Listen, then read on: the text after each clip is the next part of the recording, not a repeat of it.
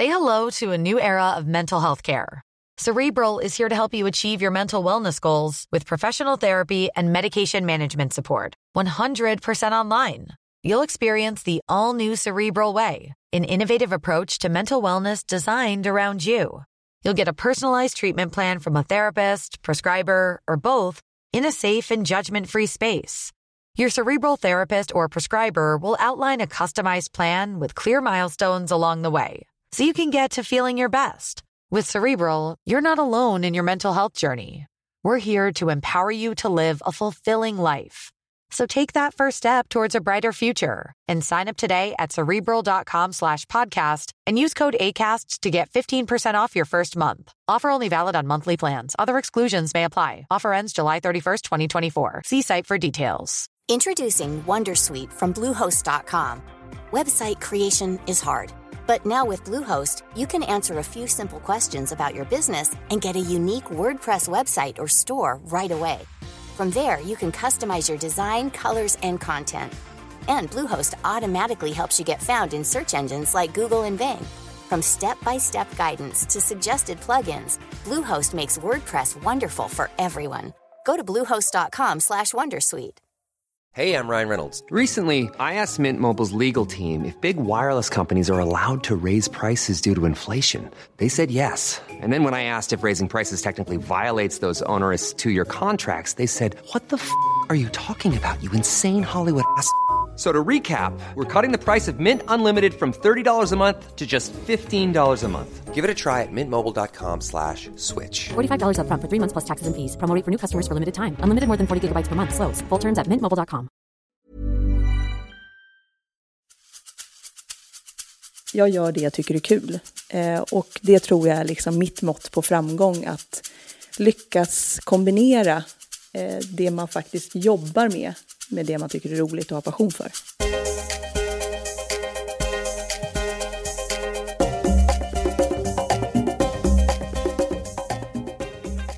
Hej och välkommen till Karriärpodden. Det är jag som är Eva Ekedal och programleder den här podden där jag intervjuar Sveriges mest framgångsrika och spännande kvinnliga ledare. För vi behöver ju belysa fler kvinnliga förebilder. Och idag har jag glädjen att presentera Linda Palmgren som är nytillträdd VD på Starcom. Linda är ett riktigt S inom kommunikation och marknadsföring. Hon kommer närmast från vd-positionen på influencerplattformen United Influencers, ett bolag som hon 2015 var med och grundade och var också därmed med och la grunden till det som mer och mer tar en så stor andel av hela mediakakan. Hon började sin bana inom kommersiell radio där hon jobbade med försäljning i många år och även varit VD på en reklambyrå. Idag sitter hon också i Stadiums styrelse. Det här blir ett samtal som förstås handlar mycket om media och kommunikation och vad vi måste tänka på för att hänga med i allt som händer. Och vi får förstås lära känna Linda och ta del av hennes tankar om karriär och ledarskap. Men eh, innan vi startar så vill jag tacka min samarbetspartner, fackförbundet Unionen, som gör det möjligt att sända Karriärpodden. Nu så, nu kör vi!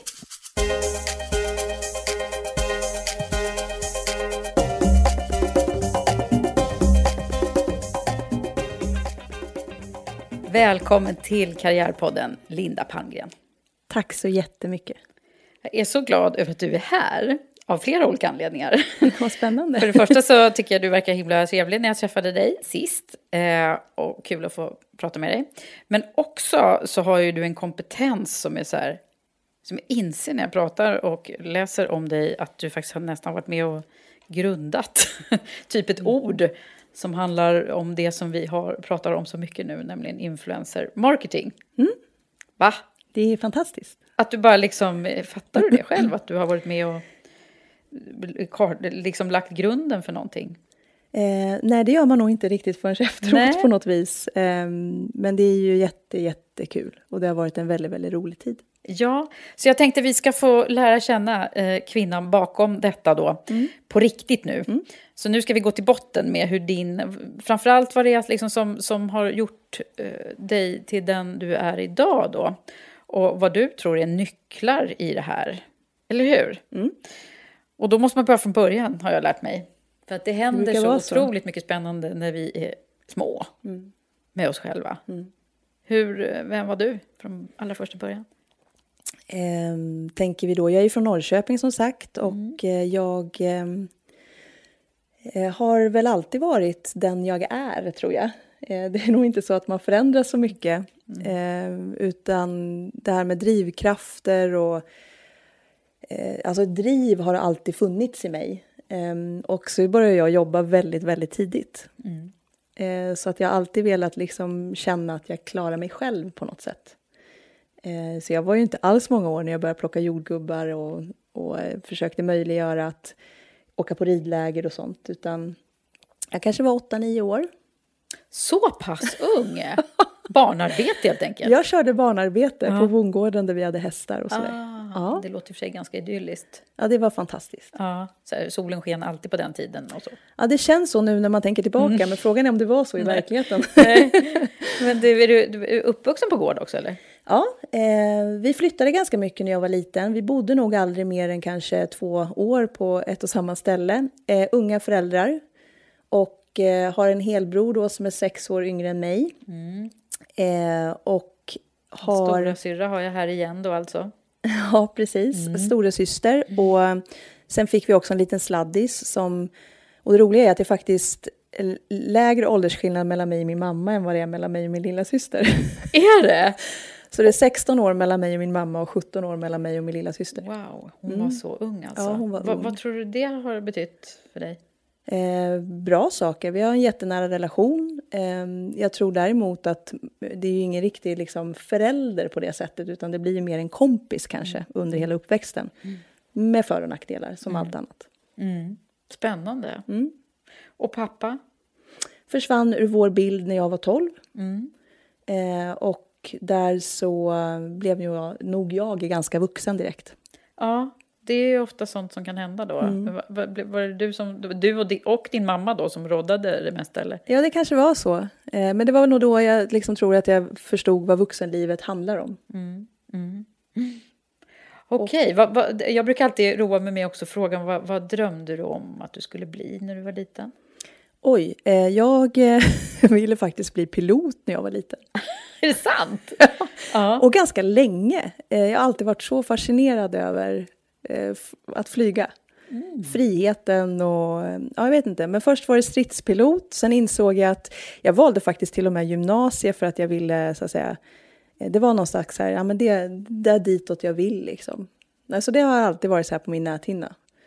Och sen vet jag inte var liksom det här med att vara stridspilot kom ifrån, men det var nog mer att jag var imponerad av Viggen, att det skulle gå fort och säkert hade Top Gun någonting med det att göra. Ja, just det, den kom ju då ja. Eh, Men det var någonstans här, ja men flyga har varit, ehm, Men nu flyger du på lite annat sätt kan man konstatera då. ja det, Blev inte, det blev inte som jag hade tänkt mig, Nej. men ja, Hur, det, hur tror du liksom, hur gick tankegångarna eh, sen då när du skulle välja vad du skulle göra? Mm. Jag tycker det är spännande för att det är ju väldigt intressant när man, man, man coachar andra runt omkring sig. Att ehm, det är många som säger, även av mina vänner, att man fortfarande inte vet vad man ska göra när man blir stor. Det är en klassisk fras liksom. Så jag tror att, eh, återigen, så här, att, att hela tiden göra saker som utvecklar en själv, där man känner att man bidrar, men också ha kul, eh, tror jag har varit en drivkraft för mig. Ehm, I början så, men jag har alltid jobbat hårt. Jag har alltid velat uppnå resultat på något vis. Jag har förstått de, att de två mekanikerna någonstans hänger samman. Eh, men det blir ju också när jag kom ju ganska tidigt in i en säljdrivande roll liksom. Först på JC i Norrköping. Eh, och sen eh, sålde godis, eh, som sagt, under en kort period. Men på något vis så har försäljning för mig alltid legat väldigt så här, nära. Och jag tror att det var faktiskt, och jag minns inte vem det var, men jag fick ett råd någon gång där när jag gick i skolan av en person som sa till mig att blir man, är det någonting du ska tänka på att du ska bli bra på, så är det försäljning. För kan du sälja så kan du göra vad du vill. Det är ju jättebra och det är en grej som vi pratar om ganska ofta i Women Ja. for Leaders och här Ja. också i podden. Att, att, eh, att det är så bra att vi är många kvinnor som också Mm. intresserar oss för det här. För det är ju oftast där nyckelrollerna till Mm. de, de mest toppledarna, det är, ju, det är ju nycklarna där, att man förstår affären. Ja, och att förstå affären men också ha intresse för det och inte skäms för att säga att man är bra på att sälja Nej. utan att eh, ha en stolthet i det istället. Eh, och det där har jag mött ganska många gånger under, just eftersom jag har haft den typen av roller där man har lett andra säljare då. Att man vill gömma sig lite bakom andra titlar och sådär. Och sen kommer man lite in i det där själv, att säga, men det kanske inte är, kanske ska säga att jag är konsult eller du vet. Eh, så att man själv blir lite så här bortsållad på vägen Bara tills man bara, nej men gud vad håller jag på Liksom. med liksom? Jag är jättestolt över det här. Och, att, och det eh, är ju så att de flesta eh, bolag så är det ju så att alla säljer ju. Eh, Absolut. Liksom, framförallt om, om man är i ledande positioner. så. Absolut. Eh, allt, allt handlar ju om någonstans Ja. om försäljning. Är Att kunna fint påverka. att vara säljare. Nu tycker ja. jag vi bestämmer det. ja, jag tycker det är fint. Ja. och det började du med. Det började jag med. Och det började som sagt eh, egentligen på kommersiell radio, när kommersiell radio startade i Norrköping och eh, där jag då jobbade med att sälja radioreklam. Ja. Och sen så har det liksom det ena lett till det andra på något vis. Eh, och det är lätt att få det att låta som att nej men jag har ju nog haft tur på vägen lite så. Men sen inser man ju att jag har ju alltid varit väldigt resultatorienterad. Alltid liksom varit mån om att eh, alltså våga ta nästa steg, att våga säga att jag gärna gör. Och så, vilket så har ju det ena lett till det andra på något vis. Och sen har jag alltid varit väldigt mån om mitt nätverk och om att nätverka och träffa människor. ja. Så att du har fått ihop det där med, med säljdrivet och människointresset. Ja, och jag tror att grunden handlar om att jag vill- göra skillnad på riktigt. Eh, och det är nog någonting som har landat liksom senare i livet när man börjar ifrågasätta sig själv lite mer. Man, hur kom jag hit eller vad, vad är det egentligen och så. Eh, När började du att tänka så? Ja, det var inte så länge sedan. jag minns faktiskt inte, men eh, ja, de senaste tio åren kanske. Men Ja. inte innan dess. Då är man nog lite mer här och nu tror jag. Ja.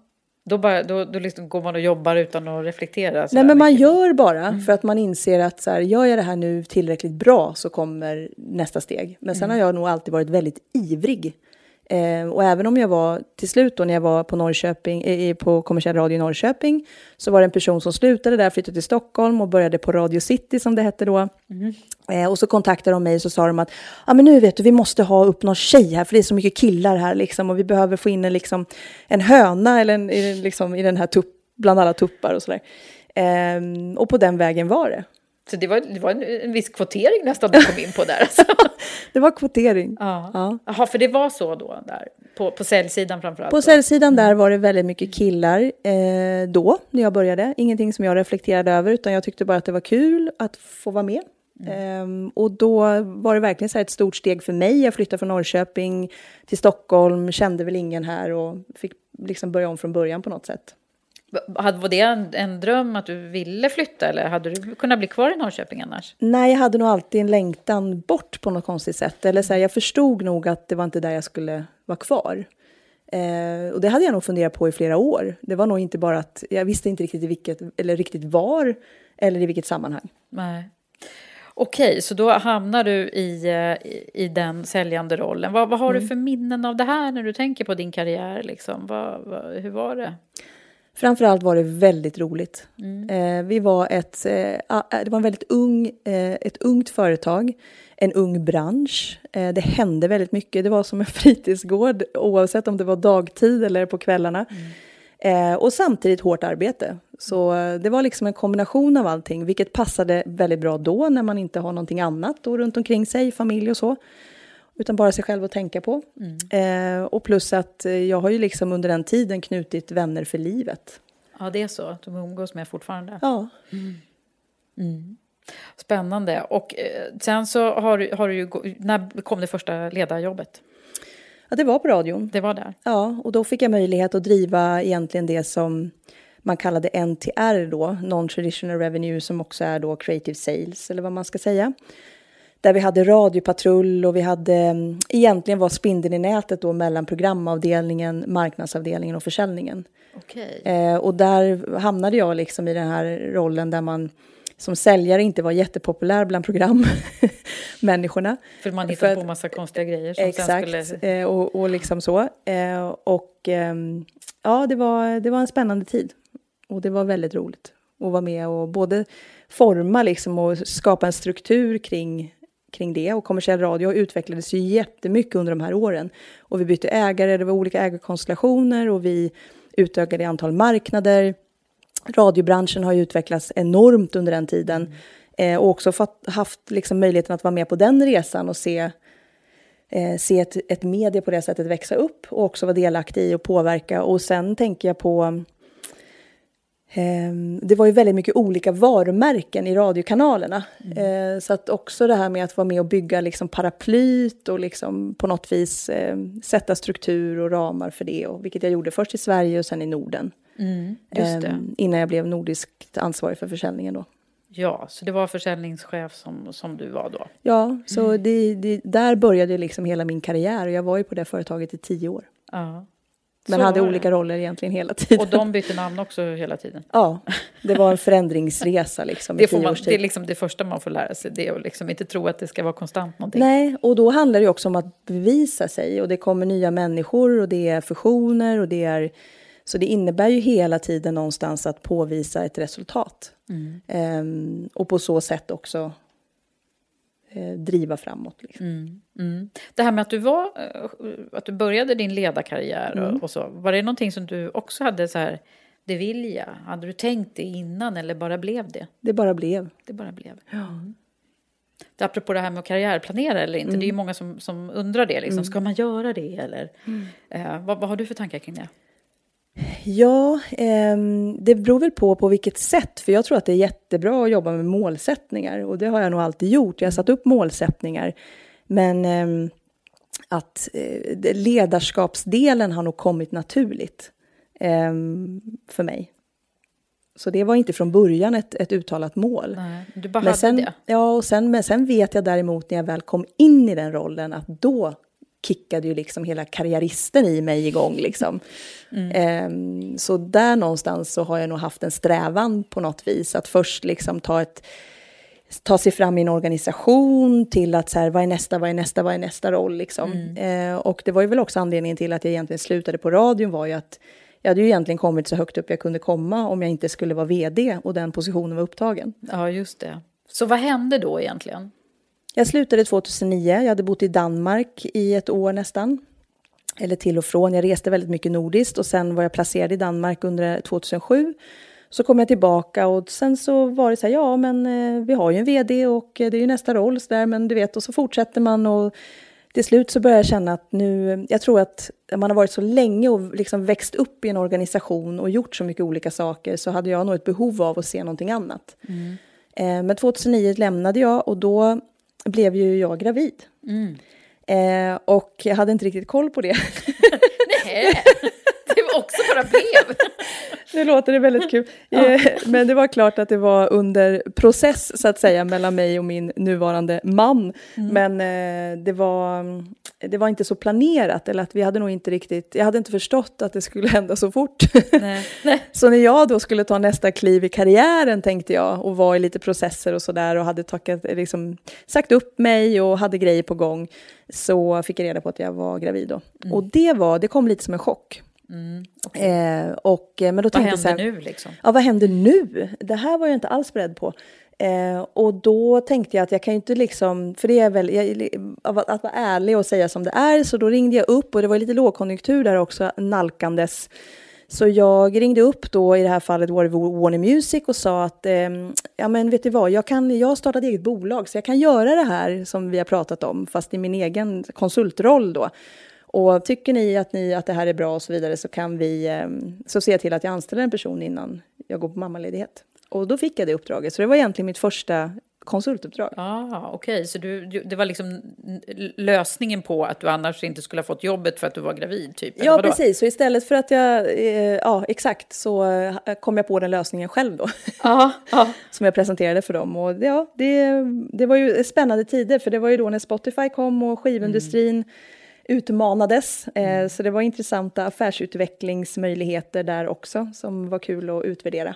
Ja, så då startade du ditt egna bolag som jag ser har hängt med ett tag. Ja, eh, det har, har inte varit aktivt hela tiden? Eller? Nej, det har liksom till och från, men den här entreprenörs... Eh, drivet i mig har nog alltid funnits. För det första företag jag var involverad i, det var redan på gymnasiet. Då var vi fyra stycken i klassen som startade ett bolag som vi sen gjorde ett arbete kring. Då.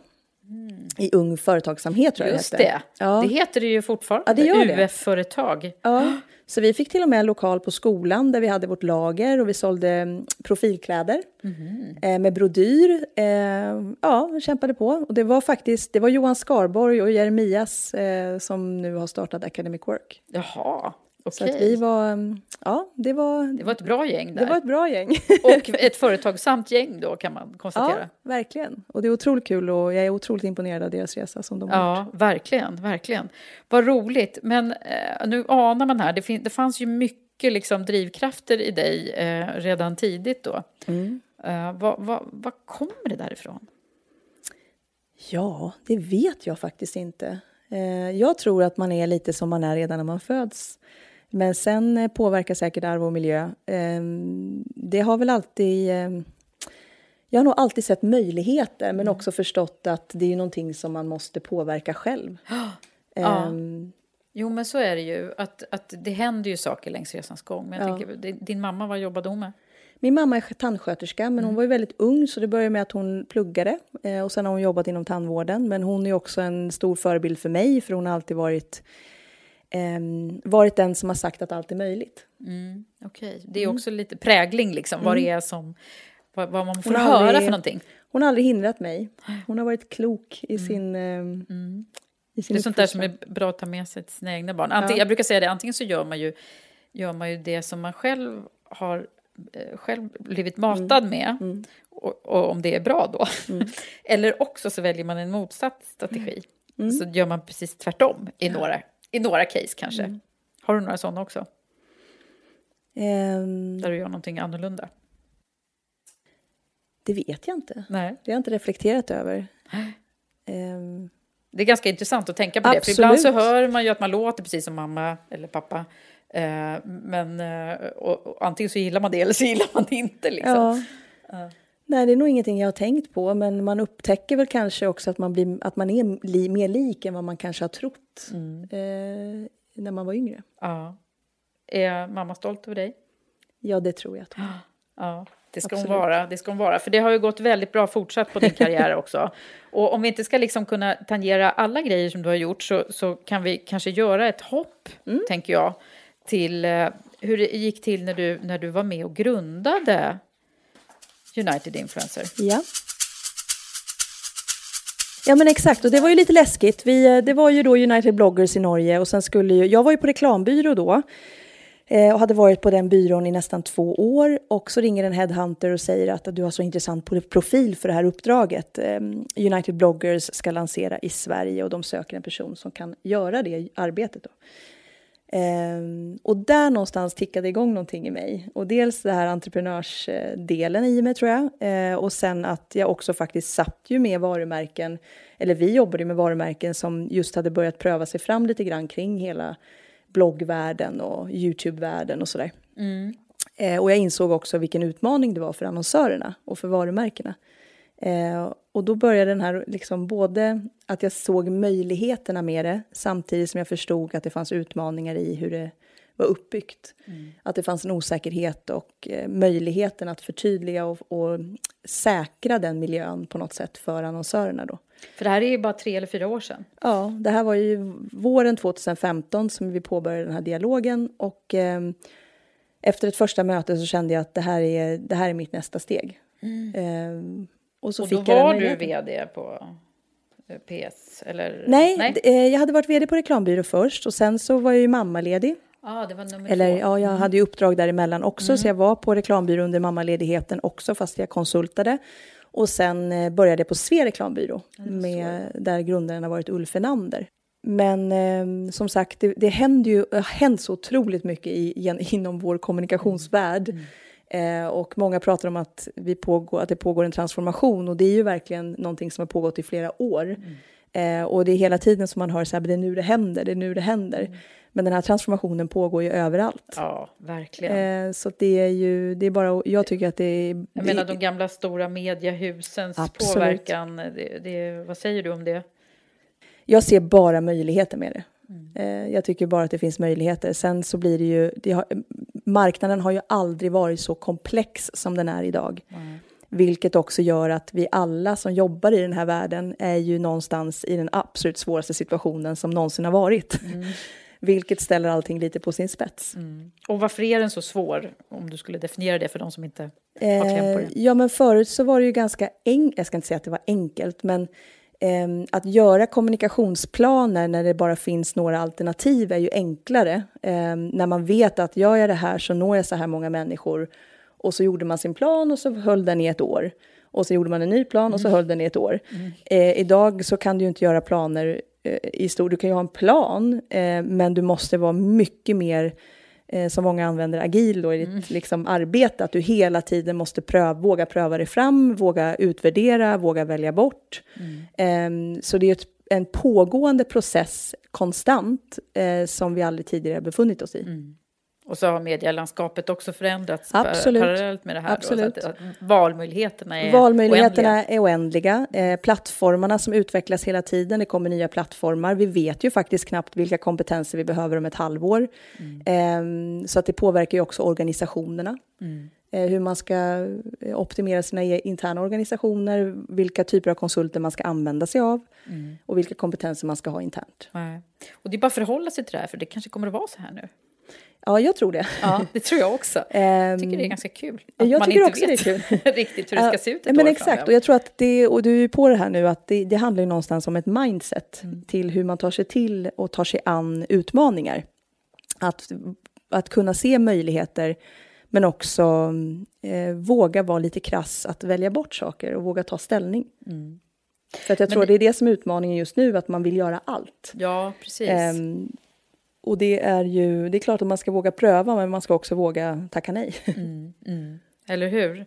Men jag tänker på det här med, med då när du kom in där. Mm. Eh, hur gick det till då? För då fanns ju naturligtvis rätt mycket bloggare eh, var ju redan igång och det hade ju Ja, inte pågått. i Sverige då, utan vi, eh, vi fanns ju på norska marknaden sedan nästan ett år tillbaka och där hade det gått väldigt, väldigt bra. Det var ju lite öppet mål för norska marknaden låg efter den svenska, så där hade vi ju liksom en verksamhet som var igång och vi självklart hade lärt oss lite saker på vägen.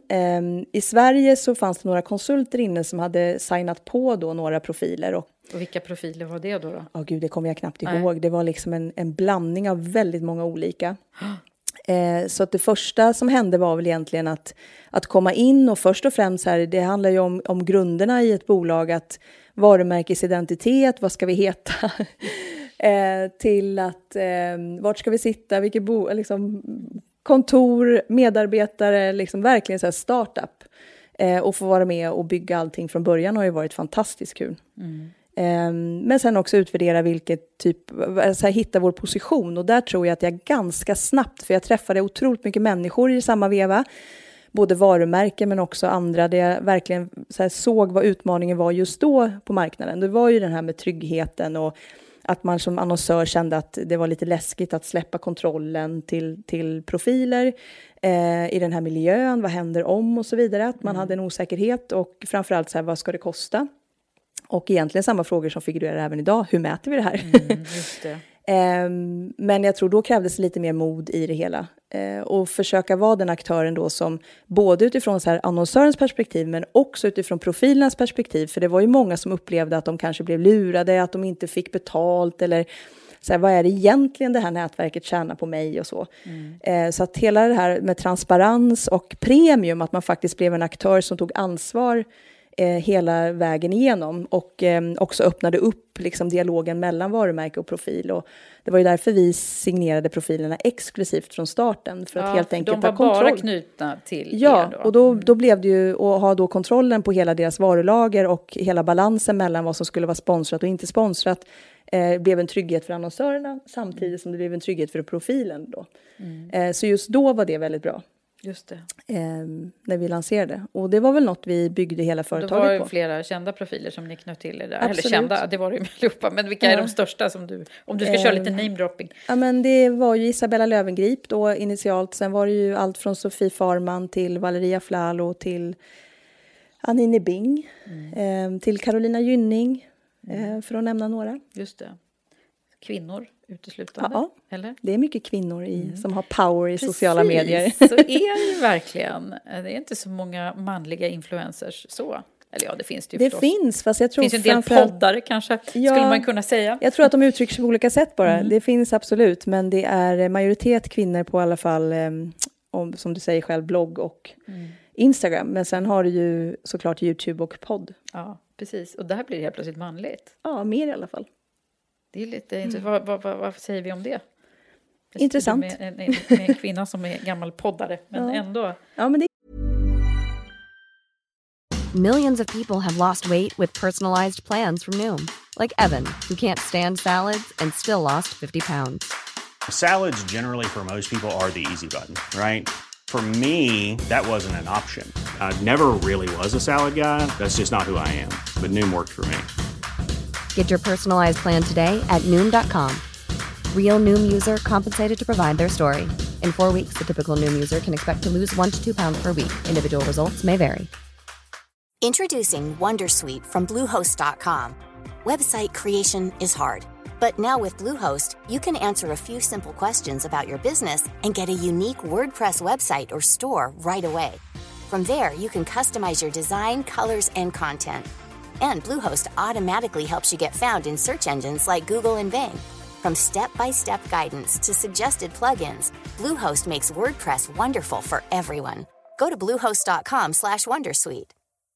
Hey Dave, Yeah, Randy. since we founded Bombus, we've always said our socks, underwear, and t-shirts are super soft. Any new ideas? Maybe sublimely soft. Or disgustingly cozy? Wait, what? I got it. Bombus. Absurdly comfortable essentials for yourself And for those facing homelessness. because one purchased equals one donated. Wow, did we just write an ad? Yes. Bombas. Big comfort for everyone. Go to bombas.com slash ACAST and use code ACAST for 20% off your first purchase. intressant. Jag tror Ja. att vi har ju olika uttryckssätt. Ja, verkligen. Eh, alltså jag har ju länge irriterat mig över att eh, näringslivslistan i, Mm. i iTunes, där, där Karriärpodden förvi- befinner sig, är... Eh, från början så var jag en av de få som, Mm. som var kvinna på den listan. Så det gjorde mig ju ännu mer taggad eh, Ja, det är kring detta. Att eh, herregud, Ja. det är klart vi måste ha kvinnor högt upp på toppen där också. Absolut. Så att ni måste hjälpa till och sprida Karriärpodden lite till. Det ska vi göra. Ja, och nu när du är här så kommer det gå jättebra känner jag. eh, nej men eh, det, det är ju en spännande resa det här. För att från början när du började så det, det måste ha hänt mycket under de åren. Det hände jättemycket och jag tror också för mig själv som person hände det mycket.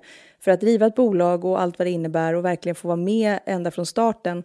Och egentligen så här, jag ägde ju inte United Influencers själv.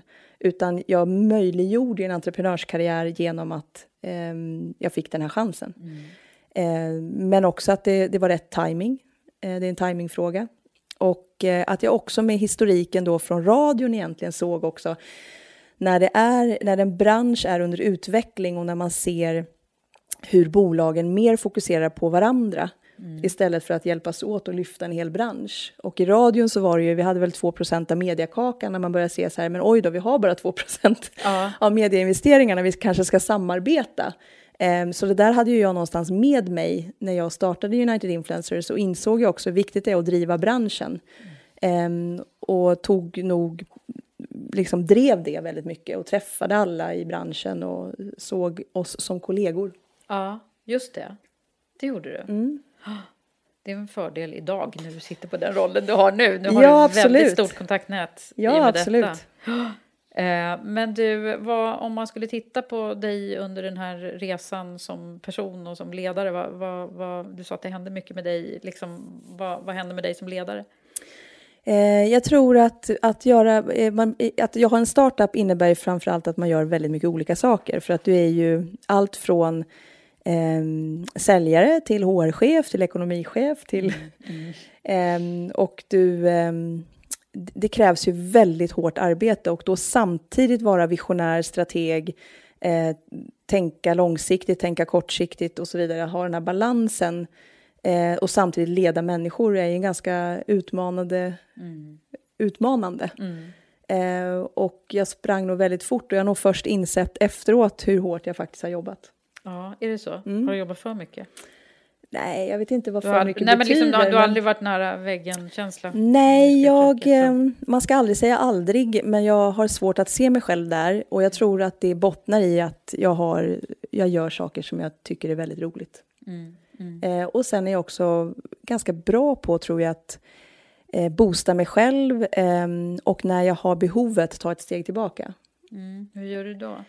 Eh, dels så att jag alltid tar hand om min hälsa, att jag alltid hittar liksom energi och laddar om genom träning. Jag har alltid gjort. Just och, det, jag följer ju dig nu så att jag har sett det mycket löpning. Ja, och löpningen eh, kom väl kanske mm, ja, men där någonstans när jag egentligen slutade på radion. Innan förstod jag inte alls varför man sprang överhuvudtaget. Eh, men jag har tränat på andra sätt och varit instruktör och så vidare. Liksom. Men jag har alltid tränat mycket. Mm. Så, eh, så det för mig har alltid varit ett naturligt sätt att både göra av med energi och få energi. Mm. Men eh, sen har jag insett att löpningen på något vis har blivit någon slags mindfulness för mig. Mm. Att det är då jag landar i beslut och det är då jag liksom gör av med det negativa och eh, lyfter på det positiva. Det är ju Ehm, så bra att få det här perspektivet som man får. Absolut, och ibland förstår jag inte ens själv att jag har landat i saker, men jag, jag gör det bara. Mm. Mm. Men du, eh, jag har en fråga som jag har börjat ställa till alla mina gäster som Ja. handlar om eh, det moderna ledarskapet. Just Eller, det. det är ju så här att vi eh, i Women for Leaders så pratar Mm. vi jättemycket om vad är det för någonting som vi nu behöver fokusera ännu mer på Mm. och kanske till och med göra om eh, våra ledarroller i Mm. framtiden. Vad tror du om det? Vad är det moderna ledarskapet för dig? Jag tror att grunden handlar ju om att man tror på människor. Eh, där tror jag så här, det fundamentala är. Eftersom vi också eh, på något vis är tydlighet eh, i ett ledarskap, eh, absolut. Och sen jobbar man ju konstant som ledare med att försöka vara tydlig. Och det är inte alltid man är det, fast man tycker det själv. Eh, men sen tror jag den andra är så här, ge energi. Att man som ledare ger energi och ehm, jag tror att det handlar väldigt mycket om hur man är som person. Att man så kan smitta av sig. Och egentligen kan jag uppleva att det är inte speciellt nytt. Jag menar, det är ju, vi är ju människor, så här har det ju alltid varit, att, så här, hur vi beter oss mot varandra. Eh, men att så här, smitta av positiv energi tror jag är väldigt viktigt idag. Ehm, och sen också så här, skapa rätt förutsättningar för människor att röra sig framåt. Att man liksom på något vis ehm, eh, vågar vara med och driva. Liksom. Eh, att utmana lite grann, tror jag. För vi är ju i en kultur där vi gärna vill eh, säga att allt är bra, boosta, man ska boosta varandra och man ska peppa varandra och så. Men samtidigt så, alla människor mår ju bra av att ha lite utmaningar kan jag tänka mig. I alla fall jag. Ja, precis. Man ska inte bara vara jag-sägare. Nej, utan eh, att våga säga, eh, jag tror att du kommer klara det här också. Eh, alltså, det är sånt, lite utmana mer. Ehm, och sen tror jag så grunden att det ska vara kul att jobba ihop. Det ska vara kul att, att, att vilja vara med på den här resan eller vad det nu är. Ehm, så jag tror så här, kombinationen av att vara fokuserad på relationer och resultatet i en kombination. För jag tror, är du fokuserad på, på, på relationer och på människor och att de känner att, att man som ledare tror på dem, så, eller tror på alla genuint och visar det, så driver ju det mot en tillväxt. Liksom. Ja, absolut. Det Och är jag tror- liksom lektion 1A i coaching och det är ungefär det det handlar om nu. Det är ju ganska kul Ja, ja verkligen. att det är så. Du, jag tänker på en annan sak Mm. eh, som vi inte riktigt eh, avslutade vad gäller din karriär och Mm. det är ju det viktiga vägskälet som väl kanske kom nu då när du Ja. faktiskt slutade på United Influencers. Absolut. Kan du berätta om det? Ehm, oftast är det ju de beslut man tar som känns lite läskiga. Eh, och då kommer man väl in på mod då. För att vara modig handlar ju om att göra någonting som man tycker är lite läskigt. Eh, och det var nog ett eh, beslut som var läskigt. Men med, i, med facit i hand så är det ju ett av de besluten som har varit väldigt bra för mig. Det var rätt timing helt enkelt. Ja. Ehm, och, För annars skulle man kunna tro så att det var din lilla baby som du var med och liksom från Ja, början. Det och det var verkligen så. Och jag känner genuint för det företaget fortfarande. Och eh, har väldigt, väldigt eh, nära relation med många som jobbar där. Eh, för det är ju människor som jag själv har tagit in. Så eh, det finns eh, mycket med det, men det är också viktigt att stänga, när, lite som du själv var inne på, när man stänger en dörr så öppnas en annan. Och jag tror att när jag stängde den dörren så öppnades det väldigt mycket möjligheter. Och där också lärdomen på något vis att hur intressant det är att träffa väldigt mycket olika människor och eh, olika branscher, olika typer av eh, företag och så vidare eh, och personer i olika typer av led eller vad man ska säga i organisationer, både från chefer till medarbetare. Men hur mycket det ger mm. att just träffa människor. Ja, för det var det du gjorde då? Träffade väldigt Men var det så ett medvetet val? Nu ska jag söka mig någon annanstans? Var det så det gick till? Nej, utan det där var ju en fråga som växte fram genom en dialog när vi inte riktigt drog åt samma håll och är egentligen väldigt odramatiskt. Sen mm. får ju alltid media det att låta väldigt dramatiskt. Ja. Mm. Och då kom ju Starcom in eh, och det var nog inte det jag hade trott från början, men det växte sig starkare och starkare och framförallt också för att jag ser potentialen och möjligheterna och eh, det är ett genuint företag. Det är en, ett globalt nätverk. Eh, vi jobbar mot att liksom en, förena eh, olika typer av kompetenser, vilket jag tror också är framtiden. Ehm, att skapa liksom brandteam beroende på vad man har behov av just då. Mm. Eh, så att det är... Eh, och ja, du sitter ju på många nycklar då för mm. att kunna ta det jobbet, säger ju jag som gammal rekryteringsheadhunter. Ja. Att det, det, förstår man ju att man tyckte att din bakgrund var intressant för att mm sitta som vd på mm. en mediebyrå mm. som ju är ganska stor mm. eh, förhållandevis. Eller det mm. finns ju min, ett antal mindre aktörer också på mediebyrå. Absolut, himlen. det finns ju en uppsjö av byråer idag mm. och det är ju ganska otydligt. Jag tror att man upplever, som varumärke upplever man nog branschen ganska otydlig idag. Mm. För det finns specialister och det finns eh, spe specialistbyråer det finns generalistbyråer eh, och alla gör lite allt. Ja, och en mediebyrå, det kanske inte ens är alla som vet vad det är. Hur, mm. ska vi, hur sätter du... Eh, Nej, det är just det att vi är ju eh, strateger och vi, liksom, vi jobbar ju med hela medieplanen och all, all uppköp, om man säger, av kommunikation. Mm. Men sen gör vi ju så otroligt mycket mer än det. Eh, för vi har ju, eh, givet då den, den digitala världen, så är det ju också att leda varumärken och företag genom den här transformationen i digitaliseringen. Mm. Oavsett om det gäller programmatiska köp eller om det gäller liksom dynamisk content som växer också. Du, jag tänker på eh, de här eh, starka eh, kvinnorna då som var influencers under den här mm. tiden. Mm. Vad är dina, dina tankar kring det, den, det yrket? Liksom? Influencer marketing, ja. tänker du? Eller mm, influenceryrket? Mm, yrket. Um, alltså jag... det, finns ju, det, så här, det är väl många som drömmer om, tänker jag, mm. att, att man ska bli en sån. Absolut, och det är väl svårare än någonsin, eh, för nu är det ju det är väldigt många som vill göra den karriären och eh, det är ju eh, alla, det finns alltid möjligheter, mm. men det är ju tuffare att komma in. Eh, dels på de sociala kanalerna som finns, eh, givet algoritmer och så vidare. Som, som, det är ju Google och Facebook som styr mm. eh, än så länge. Mm. Eh, och jag tror att ehm, det gäller väl att hitta rätt timing med att komma med något nytt mm. som krävs. Men jag hörde dig också säga att eh, det var så viktigt att Eh, det var nog i en annan podd jag mm, lyssnade mm. när du var med, eh, så hörde jag dig säga att det var så viktigt att man som influencer verkligen gjorde det som man tyckte var rätt. Liksom, att, man, mm. att man inte gjorde reklam för någonting som man sen inte kunde stå mm. för. Och, att den där känslan, och den kände jag så här, det träffade mig mm, ganska mm. rätt i hjärtat. Mm. För att jag har bara haft samarbetspartners som, som jag verkligen har känt har, har varit bra. Liksom, som, har, som har pratat samma frågor som jag vill driva och så. Jag tror det är jätteviktigt och det handlar ju om att det är ju människor och sen kan man ju tycka, jag har hört liksom, ja influencer market, att det skulle vara någon slags revolution. Men jag skulle snarare säga att vi är ju mitt, vi är ju som i vilken evolutionsprocess som helst. Människor är ju fortfarande människor och det har ju inte hänt så mycket med oss som individer. Utan vi påverkas ju fortfarande på samma sätt. Det är bara det att sättet vi uttrycker oss på har förflyttats eh, i digitala miljöer, mm. vilket gör att spridningen ökar så enormt. Mm. Eh, men det är ju fortfarande människor mm. eh, och det är fortfarande samma typ av eh, dialog som pågår. Det är bara att var vi har den dialogen har förflyttats. Mm. Men det jag tycker är mest intressant är ju att det handlar om relationer där också.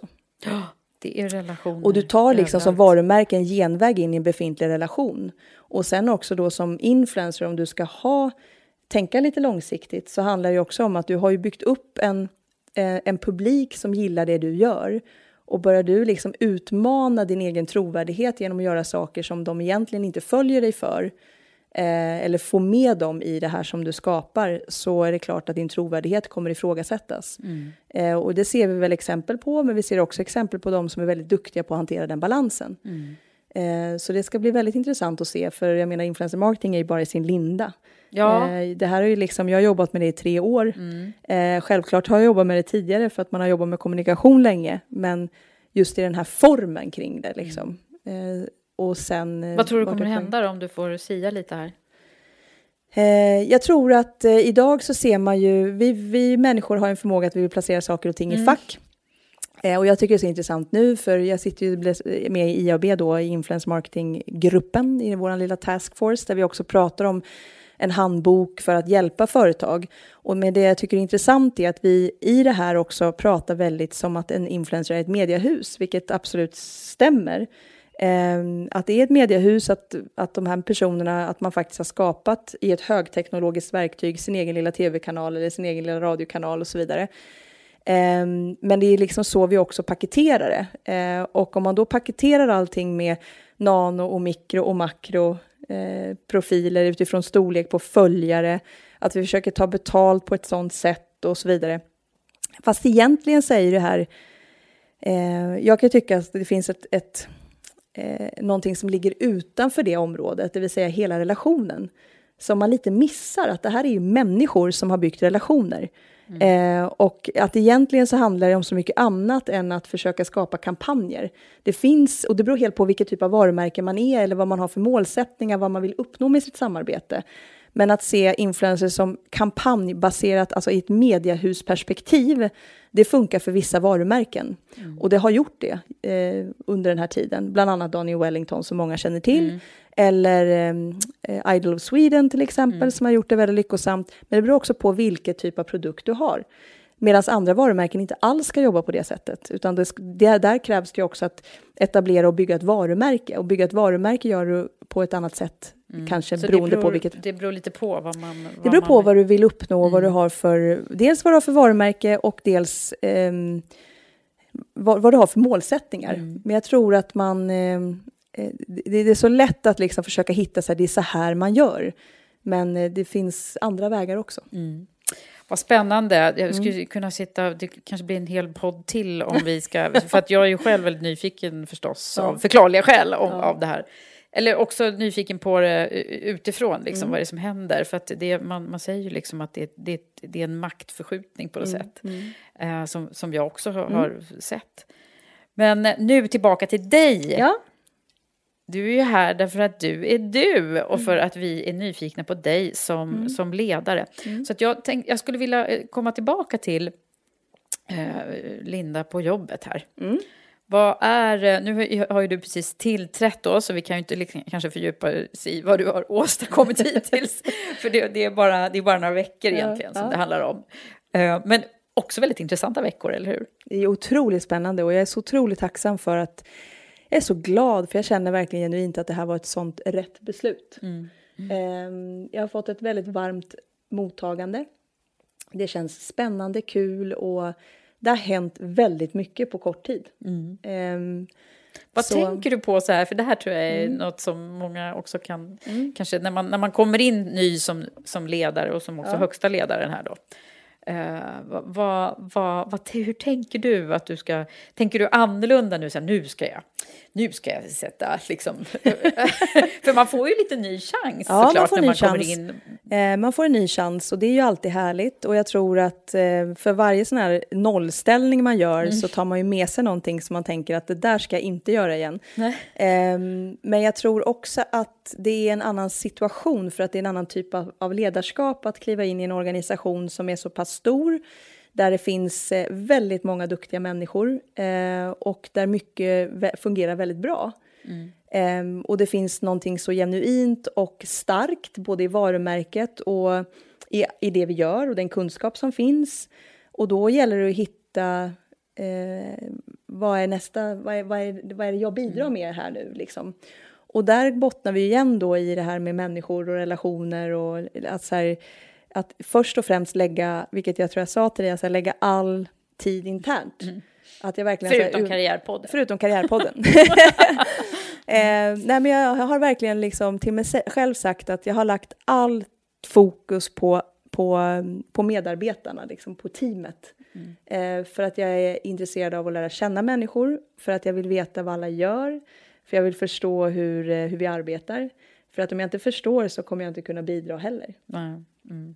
Det handlar ju väldigt mycket om det, den första tiden, och försöka Ja. förstå hur, även hur kulturen är och även det som inte sägs och det som sitter i väggarna. Och, Absolut. Så medarbetarna och såklart våra uppdragsgivare som jag ser som en del av vår verksamhet också. ja, vad, är, vad är utmaningarna då? Vad är det du behöver göra mer av? Eller Nej, men det är av? väl som alltid att eh, förmågan att locka till sig och behålla rätt kompetenser. Mm. På samma sätt som vi är ju aldrig bättre än den senaste medarbetaren som slutar eller den senaste kundförlusten eller misslyckandet eller Mm. sådär. Så att vi eh, får in liksom lite så här winning spirit, Mm. eh, lite vinnarkänsla. Eh, Någonstans så är det väl kanske det som också vi pratar om min drivkraft. Mm, just det. Jag vill vinna. Ja. att man någonstans drivs mot ehm, ett mål, att man har liksom det där i sig på något vis. Eh, och då är man ju aldrig bättre än vad man var igår eller att, på det senaste mötet eller Nej. ja, så. Eh, och det tror jag är viktigt att ha med sig. Samtidigt som, som jag sa så eh, handlar det också om att, att forma vår organisation i den här transformationen för att Mm. också möta framtiden. precis. Eh, och det är ju det som sker just nu, det är det jag håller på med. Kan man säga. Så där har jag väl inte landat än, men Nej. vi är på, vi är på det är väg. många spännande grejer. Mm. Om man skulle prata emotioner med dig, Mm. det brukar jag också roa mig med ibland. Sådär. Vad är det som är, för som du nu har vi kunnat ringa in här, driven och eh, du går igång på tävlingar och mål och det är många sådana skills eh, som du visar. Vad, vad, är det som, vad är det som får dig riktigt sådär eh, superengagerad? Jag växer när jag ser att andra växer Mm. på något vis. Eh, det tycker jag är väldigt kul. Eh, och då ger det någonting tillbaka. Eh, och sen så att just här, vi pratar ju om kvinnor framförallt i ledarskap och så vidare. Så här, att, att det har nog kommit senare för mig. Att eh, jag tycker det är kul att kunna ge den möjligheten. Och jag tror att det är ganska nu med risk för att generalisera, men, eh, men kvinnor behöver kanske lite extra skjuts ibland. För att våga ta det här steget eller eh, våga utmana sig själv eller ställa sig på den där plankan och så vidare. Ehm, och jag tycker det är kul att få vara den som kanske ger den där extra skjutsen eller så. Ehm, Så att du har varit lite så här kvinnlig sponsor kan man säga då? ja, eller jag hoppas jag ska kunna Att du vara kan göra det, ännu framåt. mera. Ja. Mm. När blir du arg då? När det inte riktigt blir som jag har tänkt mig. Mm. Ehm, eller när jag har tagit beslut som... Egentligen när man inte vågar ta beslut som man egentligen har känt att man skulle kunna tagit tidigare. Men det där tror jag också är en trygghet som kommer lite grann med erfarenheten. Ehm, att, vilket jag börjar bottna i nu, att det, beslut behöver man inte vänta på. Det, det, oftast den här intuitionen som kommer ganska snabbt. Eh, tidigare ville man ha liksom både fakta och analys och tre till som sa att det var bra och så vidare. Liksom. Eh, och nu kan jag känna så här att jag, på något sätt så vet jag att jag kommer ändå landa i det. Så att jag lite litar mer på min egen förmåga tror jag, än vad jag gjorde tidigare. Och, men då kan man ju också bli, å andra sidan då, lika besviken på sig själv när man inte tar de där besluten som man trodde att man skulle, eller som man hade behövt ta. Eller att man eh, kanske till och med misslyckas med att man väljer fel. Att man, gör, man tar fel beslut helt enkelt. Men du, du är ju nu tvåbarnsmamma, stämmer det? Ja, det stämmer. Har jag räknat ut? Ja, det är helt räknat. Du har räknat rätt. ja, och då är det så här att Ja. eh, jag har ju en eh, uppdragsgivare som, eller vad säger jag, en samarbetspartner heter det, Mm. som eh, heter Unionen. Och eh, Unionen, de, de vill gärna skicka med en fråga Mm. till mina, mina gäster. Och den här frågan handlar just lite grann om eh, det här med barn och så. Mm. Och då vet jag ju att du har två barn, så då kan jag ställa den här frågan. För att det är, de håller nämligen på med en undersökning just nu som handlar om vobba. Alltså det vill säga hur man gör när barnen är sjuka. Ja. Eh, om man då passar på att jobba lite samtidigt eftersom vi nu lever i den värld vi gör. Så går ju det att göra. Så hur, hur brukar du göra? Nu kanske det inte har hänt så mycket nu då, men om ditt barn är sjukt och du behöver, brukar du vobba? Eh, ja, vi eh, har nog kommit fram till att, eller vi försöker lösa det som, eh, vi brukar köra halvdagar faktiskt. Mm. Så att vi tar halva dagen var. Och det handlar väl också om att eh, det är viktigt att kunna liksom skjuta över så att man tar några möten eller att man är på plats en liten stund. Eh, så det brukar vi lösa genom, vi, ja, vi kör Ni halvdagar. kör halva dagen Ja. var. Ja, men det var ju ett bra tips. Mm. B- Hur gör? Har du något annat som, som något tips kring hur man kan göra för att både ge den fokuset till det sjuka barnet samtidigt som Ja. man... Eh, nu är barnen sju och snart tio så att de brukar ju liksom... Mm. De klarar sig lite själva Ja, och då. sen så tror jag att det är eller jag, jag tror både vi är väldigt sådär, eh, vi gillar våra jobb, vi tycker det vi gör är roligt eh, och det på något vis sprider vi, eller ja, för mig har det varit viktigt att sprida det vidare för jag kan uppleva att det är många som eh, inte gör det, att man lite sådär för barnen, eller jag hör i alla fall runt omkring mig, att man suckar lite så här att ja men du vet nu måste jag jobba igen och egentligen vill jag ju vara med dig och nu måste jag jobba. Och jag tänker så här, hur, de barnen då som hela tiden hör att det där att man måste jobba, det låter ju inte så kul liksom. Så jag har nog alltid försökt så här, jag tycker om mitt jobb, eh, men att hela tiden den här balansen att om jag nu behöver vara hemma en förmiddag för att sen åka in på jobbet så kanske jag behöver sitta med min dator eller prata i ett samtal. För att även om du är sjuk så har ju jag ett, ett ansvar. Ehm, och då är jag ganska öppen med att berätta om det. Det tror jag är klokt. Det är ju ingen idé att spela någon, någon, någon roll liksom, hemma. Nej, och sen det orkar så, man inte med. Nej, och sen så är absolut att om det ställs någon fråga eller kan, kan jag, jag är hungrig eller vad det nu är, Mm. liksom, så löser man ju det. Man ger barnet mat helt enkelt. Ja, man ger dem mat om de vill ha mat. Ja. eh, nej, men jag tänker att det jag har aldrig, ja, jag tycker vi, eh, jag har aldrig haft ångest över att jag arbetar mycket eller att jag är genuint så här, väldigt intresserad av det jag gör, utan snarare försökt så här, involvera mina barn i att man faktiskt kan göra saker eh, som man tycker är kul även på sitt arbete. Mm. Det där, jag tror att det där är en jättebra grej, förutom vobbandet, så att Mm. säga. Att man, att man skickar vidare att det är faktiskt att man ska ha roligt när man Mm. jobbar. Att, det inte det är liksom, att man inte bara ser fram emot semestern, utan att det faktiskt är... Ja, men det är eh, kul och det är, någonting är- Som, det, det är någonting som, det är ju så det är. Ja, Eh, exakt. Det, allting hänger samman och eh, de har fått vara med på jobbet, de vet vart jag jobbar, de, eh, ja, det, det är inga konstigheter. Nej, Liksom. vad härligt.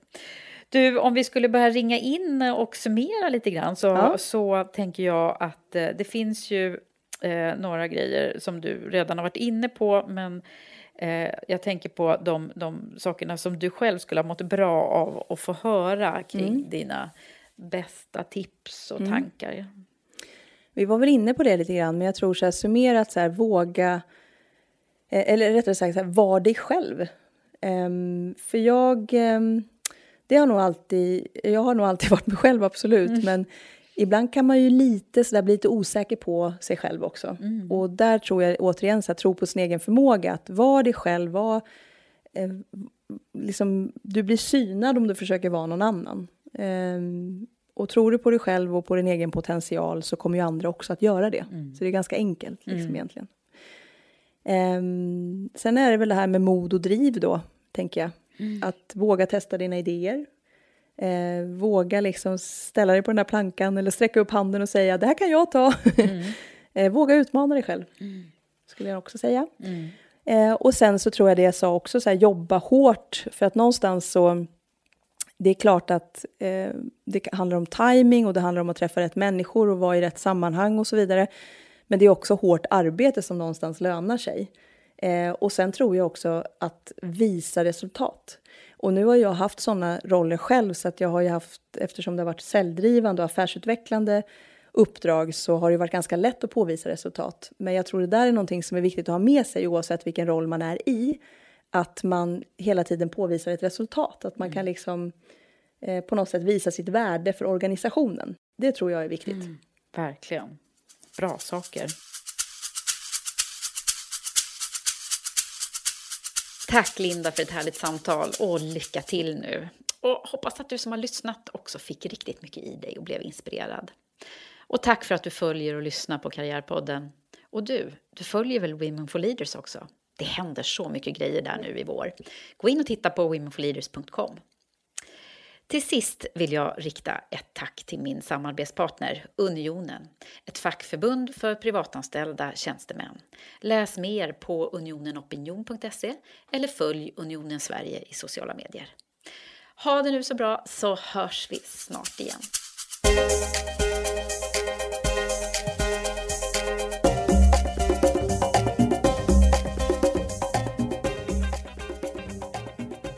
Karriärpodden produceras i samarbete med Storstad Medieproduktion.